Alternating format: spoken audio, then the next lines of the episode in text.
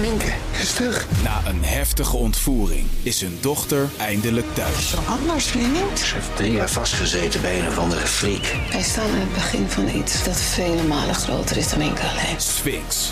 Ik ben nergens veilig. Vanaf 22 maart alleen bij Videoland. Op 30 mei 1961 stort een gloednieuw KLM-toestel vier minuten na opstijgen in zee. Niemand overleeft de klap. En later besef je pas dat er heel weinig over is bekendgemaakt. Dit is een verhaal over botsende belangen. Het lijkt wel een betonnen muur waar je niet doorheen komt. De wil om te accepteren en toch altijd blijven zoeken. Alles wil je weten. Ik ben Julia Bokdam en dit is Van de Radar.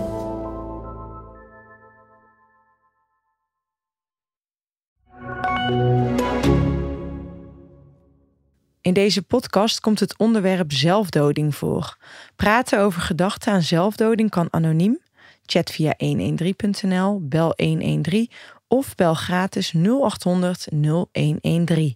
In de vorige aflevering van de Gifdoden Heeft ze helemaal niks mee van doen. Dat hij haar dat geld allemaal nagelaten heeft, dat heeft, heeft ze niet om gevraagd. Hij heeft zelf gezorgd dat hij naar de notaris is gegaan. Zij, ze is helemaal niet mee geweest naar die notarissen.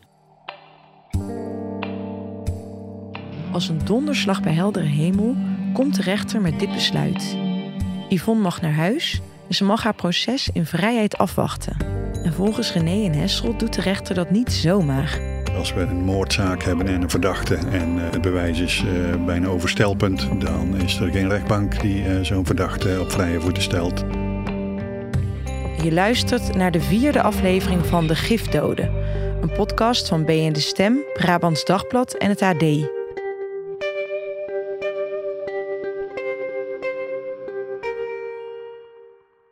Het is 13 juli 2023 en ik ben weer in de rechtbank Breda. Daar is die dag de laatste voorbereidende zitting voor het proces tegen Yvonne K. van start gaat. Ik ben net binnen en ik leg mijn tas op de band om door de scanner te gaan. De beveiliger kijkt wat verbaasd naar de inhoud van mijn tas en ik leg hem uit dat ik allemaal opnameapparatuur bij me heb. Op dat moment spreekt de vrouw die achter me staat me aan. Ben jij René? Ik kijk om en ik zie meteen wie het is. Yvonne met haar donkere pruik. Achter haar staan haar jongste dochter en nog twee mensen die ik niet ken. Yvonne weet dat wij deze podcast maken en herkende me waarschijnlijk door al die opnameapparatuur. Het is een wat ongemakkelijk moment. Want natuurlijk wil ik van alles aan Yvonne vragen, maar dit is niet echt de setting ervoor. En belangrijker nog, voor de zaak is afgerond, praat Yvonne niet inhoudelijk over haar zaak met de pers. Een brillendoekje is mijn redding. Het valt uit haar tas, ik wijs haar erop, groet haar en loop snel door naar boven, waar Hessel en René al op me zitten te wachten. Ja, iedereen is er. Welkom iedereen. Hij staat aan. Ik ben ook te horen op de publieke tribune, denk ik. Ja, goed zo. Ehm, De rechter geeft het woord aan een van de twee officieren van justitie. Alle eerdere zittingen was nog sprake van een voorlopige telastlegging. En zoals al regelmatig is aangekondigd, is daar nu een feit bijgekomen. Feit 1 betreft het feit waar we het al veel eerder over gehad hebben: dat mevrouw ervan wordt verdacht dat ze op 8 december 2020 in Halsteren meneer Grinwis van het leven heeft beroofd. door hem pentobarbital toe te dienen. Juridisch te lasten gelegd als moord dan wel doodslag. Feit 2 is er nu aan toegevoegd namelijk het witwassen van een bedrag van ruim 227.000 euro, althans enig bedrag, door het verhullen van de herkomst van dat bedrag in Dongen in een periode van juli tot oktober 2021. Die tweede verdenking komt niet uit de lucht vallen. Dat witwassen is al bij eerdere zittingen aan de orde gekomen. Want een dag na Yvonne's aanhouding in 2021 is er een grote hoeveelheid geld gevonden in een kluis. Justitie denkt dat Yvonne dat op een verkeerde manier bij elkaar heeft gesprokkeld. Yvonne's advocaat Esther Vroeg reageert er fel op. En deze aantijgingen passen in de visie van cliënten in de beeldvorming en ook de karaktermoord die het Openbaar Ministerie al jarenlang inzet tegen mevrouw. En wat is dan eigenlijk de visie? Dat ademt dit hele dossier uit. Mevrouw troggelt emotioneel kwetsbare, doch wel vermogende mannen geld af door zogenaamde amoureuze avances en pot dat geld op in de kluis met uiteindelijk de apotheose en dan ook de ontdekking de moord op de heer Grimwis. Later gaat het ook nog over een envelop die bij Chris Grinwis vlak na zijn dood op zijn salontafel gelegen zou hebben. Met daarop de naam van Yvonne. Een collega van Esther Vroeg ontdekte dat toen ze de foto's bestudeerde die de recherche vlak na zijn dood heeft gemaakt. Vroeg wil weten waar die envelop is en wat erin zat. Maar de rechercheurs zeggen niet meer te weten waar die is. Wat ik buitengewoon schrijnend vind, en dat wil ik u wel meegeven, meneer de voorzitter, is die enveloppe met de naam van cliënt. Die wordt gefotografeerd. Die ligt naast de hoed van meneer Grinwis op zijn kop. En enkele foto's later zien we die foto weer andersom met de naam van cliënten erop. Er wordt dus een plaatsdelict onderzocht door de forensische recherche. En dan zegt de desbetreffende rechercheur... ja, tuurlijk ga ik hem onderzoeken, want het was niet natuurlijk overlijden. Maar ik weet niet wat er in die envelop zat. Dus het hele scenario, een ander aannemelijk scenario... dat mevrouw misschien wel eens niet meneer Grimwis zou hebben vermoord... maar een ander scenario in de reden ligt... wordt dus bij voorraad al terzijde geschoven. Ze zegt het niet zo letterlijk, maar ik hoor hierin de suggestie dat er in die envelop wel eens een afscheidsbrief van Chris had kunnen zitten. Of in ieder geval andere belangrijke informatie. Volgens Esther Vroeg focussen politie en justitie dus alleen maar op het scenario dat Yvonne Chris heeft omgebracht met gif en dat ze uit zou zijn op zijn geld. Maar waarom denkt ze dat? Ik en René vragen het haar op haar kantoor in Den Bosch. Ja, dus waar jij nu eigenlijk aan refereert, is dat er mogelijk bij justitie sprake is van tunnelvisie. Ja, ik denk niet dat we het te vaak moeten gebruiken als modewoord, want daar waak ik altijd wel voor. Ja. De aanwijzing is er natuurlijk wel dat hij onder de verdachte omstandigheden is overleden. Ondanks het feit dat die huisarts natuurlijk in eerste instantie zegt natuurlijk overlijden, is wel dat middel aangetroffen.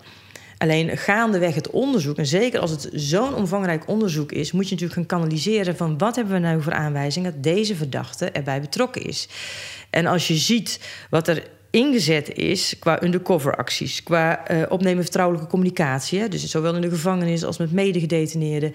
Uh, opnemen van gesprekken tussen haar dochter en haar schoonzoon in de auto, in de woning. Werkelijk, alles is geweest. En het heeft tot niets geleid. Hoe uitzonderlijk is het dat politie zeg maar, al deze middelen uh, inzet in uh, een onderzoek naar een mogelijke Ja, we zien, we zien het wel in zaken waar een bepaalde verbetenheid uh, komt. En dan niet alleen de verbetenheid vanuit justitie, maar ook vanuit het volk. Hè, gevoerd onder andere door de media. Als het gaat om mensen van onbesproken gedrag, zowel aan de slachtofferzijde als aan de verdachte zijde, en daar spreek je hier ook over, hè, dan zie je dat men wel het hele arsenaal opentrekt om te achterhalen wat er gebeurd is. En terecht, hè? Want als het bij jouw naaste zou gebeuren, of bij mijn naaste... dan wil je ook dat die officier tot het uiterste gaan om zich in te spannen. Dus dat siert ze. Dat is ook een groot compliment. Alleen, op een gegeven moment moet je natuurlijk wel gaan kijken van... hoe staan we nu? Wat hebben we of zijn al die stapels met verklaringen onderbuikgevoelens van een akelige vrouw? Die, nou, wat, je hier heel erg ziet, is het stereotype.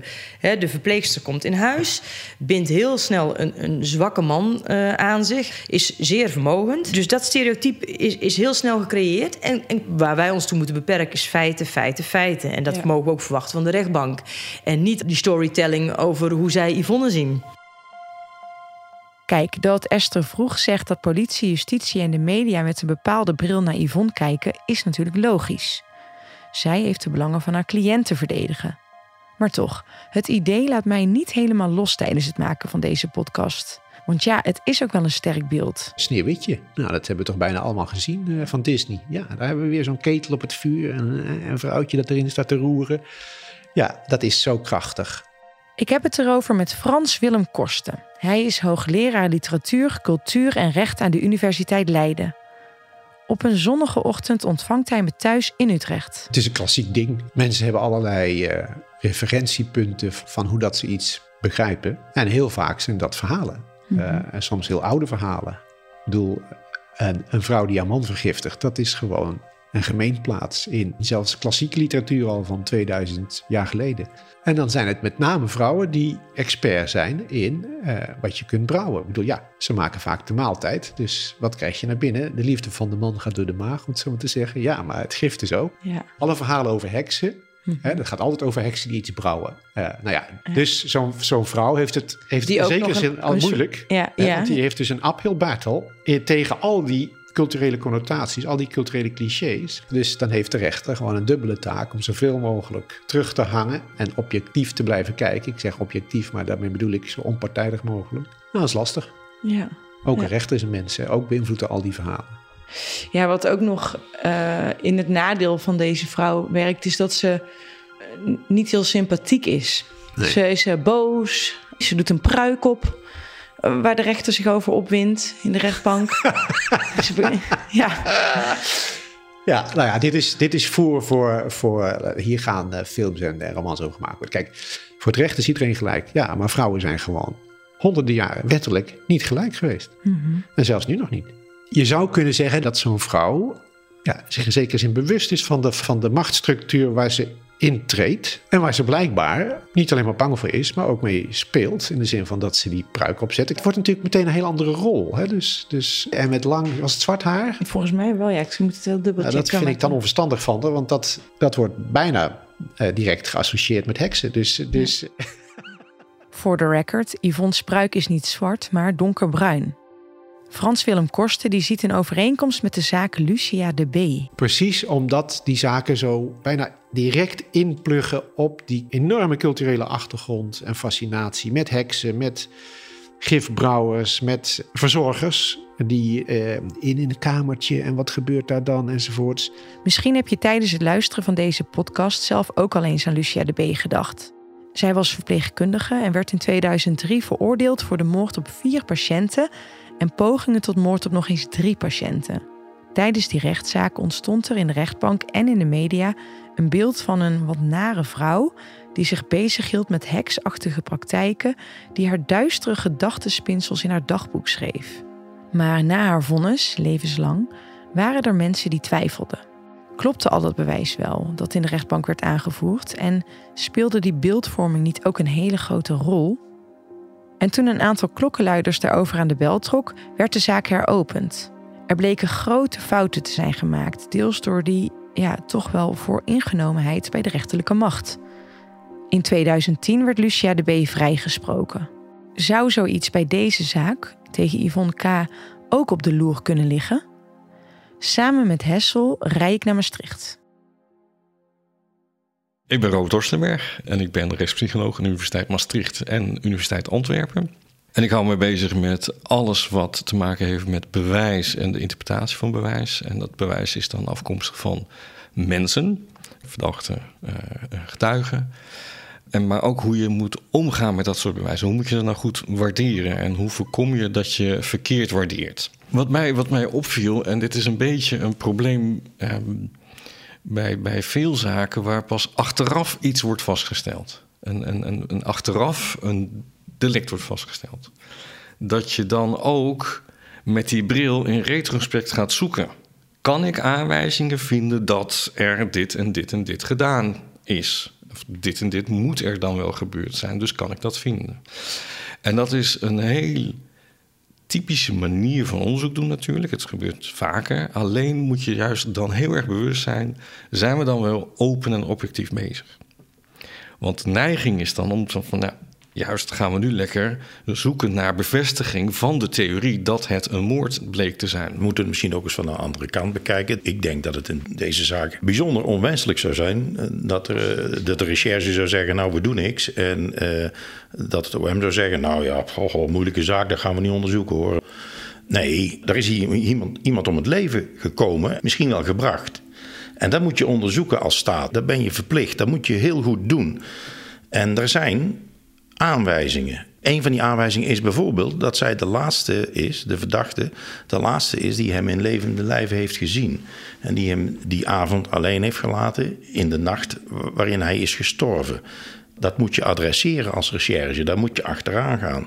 Dan is het testament net voor zijn dood ten gunste van haar uh, veranderd. Dan hebben we het over motief, mogelijk motief. Uh, dan hebben we over het feit dat er een heel bijzondere soort gif is gebruikt waarmee de verdachte erg bekend is. Dat wil allemaal nog steeds niet zeggen dat zij het gedaan heeft, helemaal niet. Maar het zijn aanwijzingen die je niet kunt negeren en die je heel goed moet onderzoeken. En nou ga ik jou even de beruchte tegenspraak doen. Uh, ik probeer altijd juist, mijn tunnel, van ja, kan het niet zo zijn dat dit gewoon uh, noodlottig gevallen is waarbij iemand verdacht wordt? Kijk, er is altijd iemand die het slachtoffer voor het laatst heeft gezien. Is het altijd. Ook bij suicides.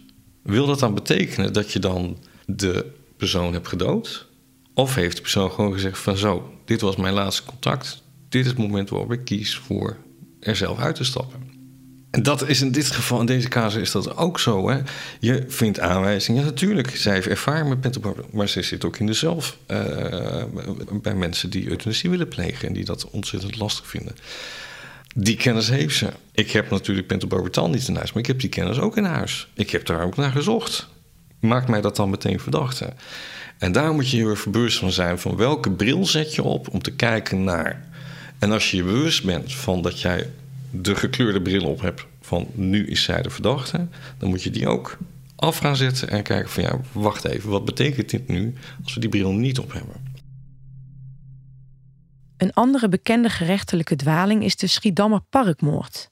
Voor die moord op de tienjarige Nienke Kleis werd een onschuldige man veroordeeld en bleek dat er veel fouten waren gemaakt door politie en justitie. Dat moest beter.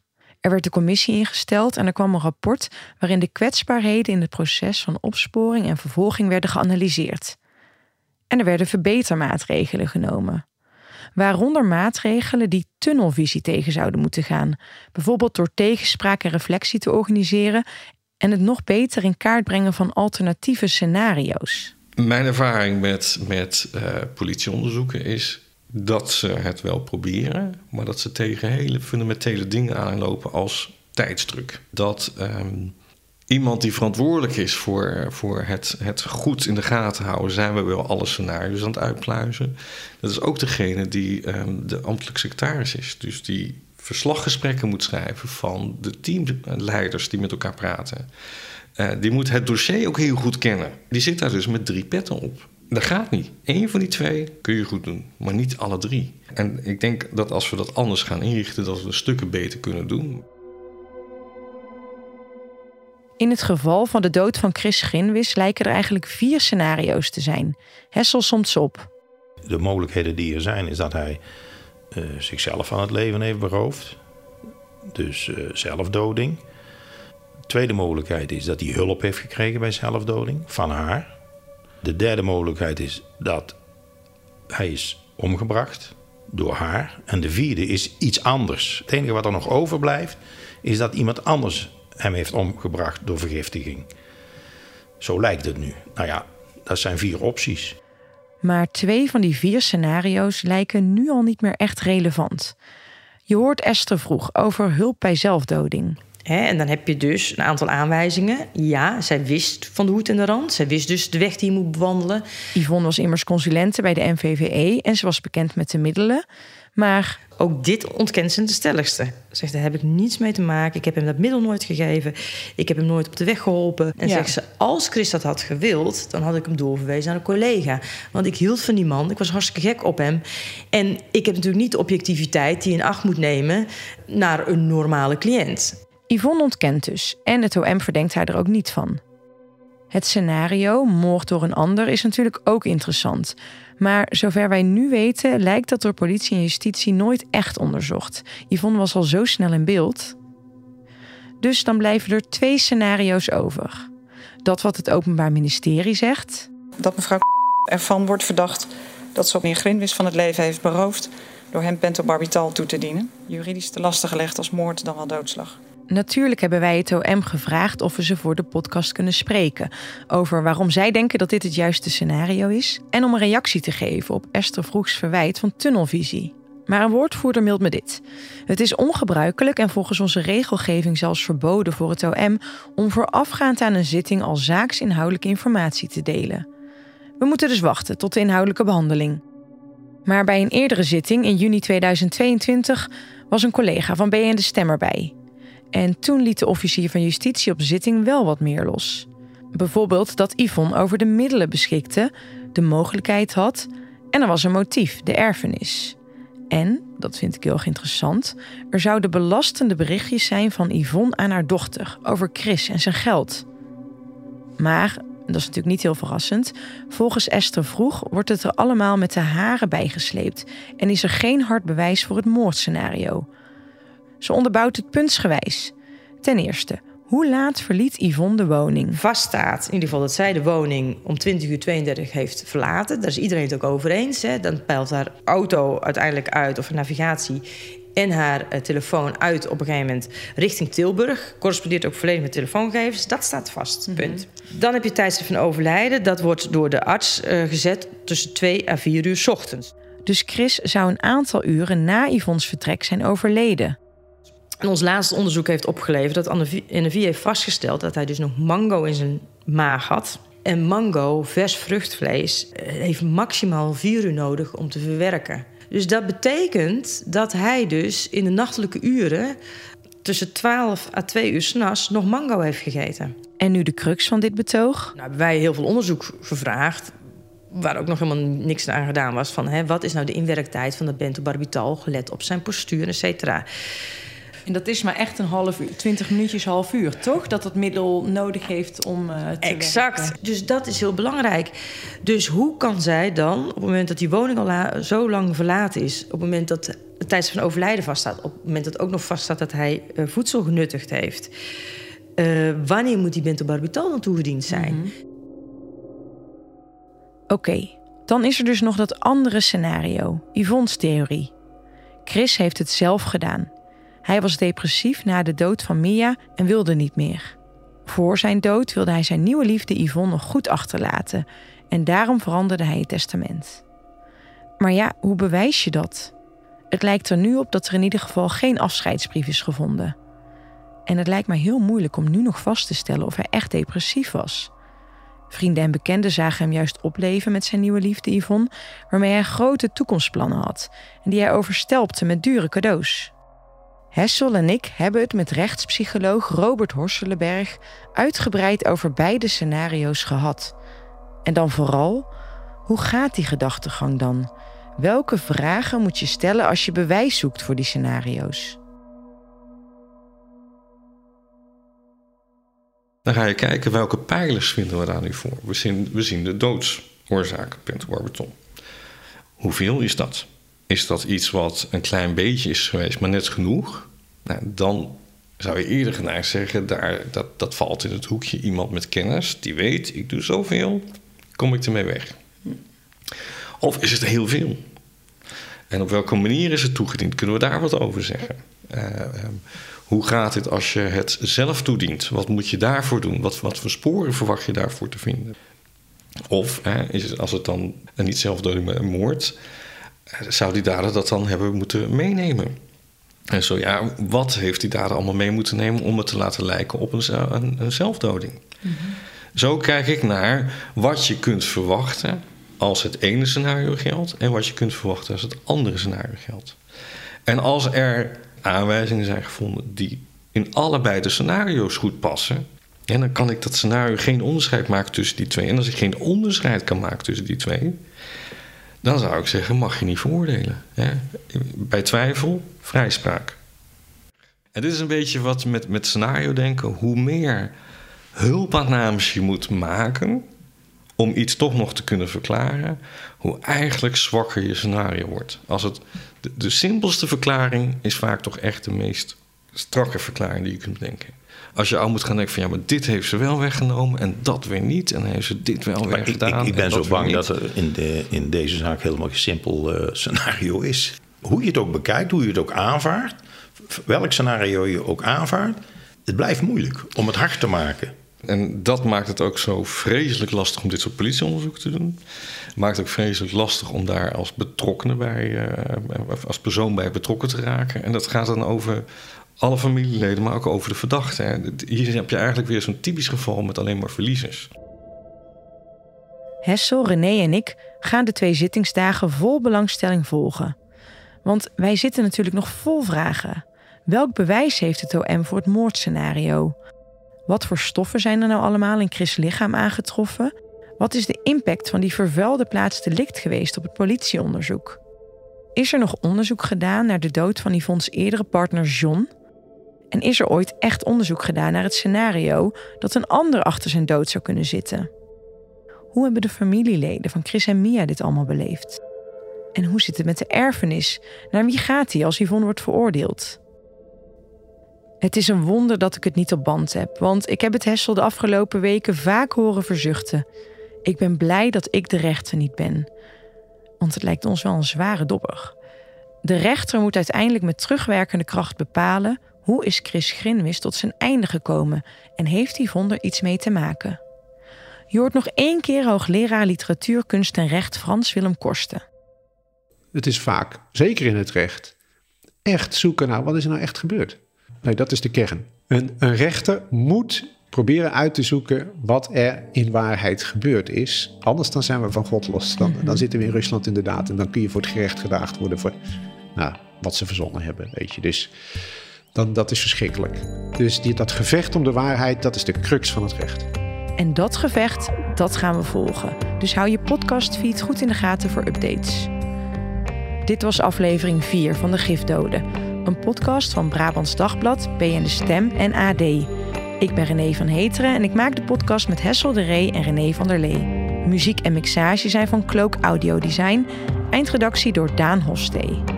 Je vindt de gifdoden op de sites van Brabants Dagblad, BN De Stem, het AD en alle andere aangesloten regionale dagbladen.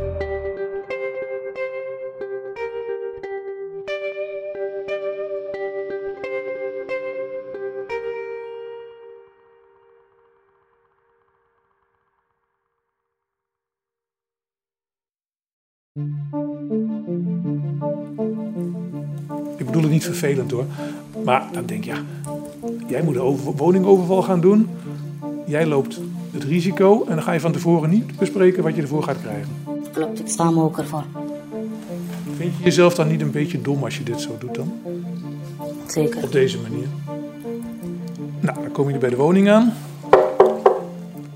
In de podcast De Zaak X krijg je een uniek inkijkje in rechtszaken met opnames uit de rechtszaal. Wat drijft een verdachte tot vaak bizarre daden? En wat is de uitspraak van de rechter? Luister naar de podcastserie De Zaak X. Ga naar je favoriete podcast-app of naar ad.nl/slash De Zaak X.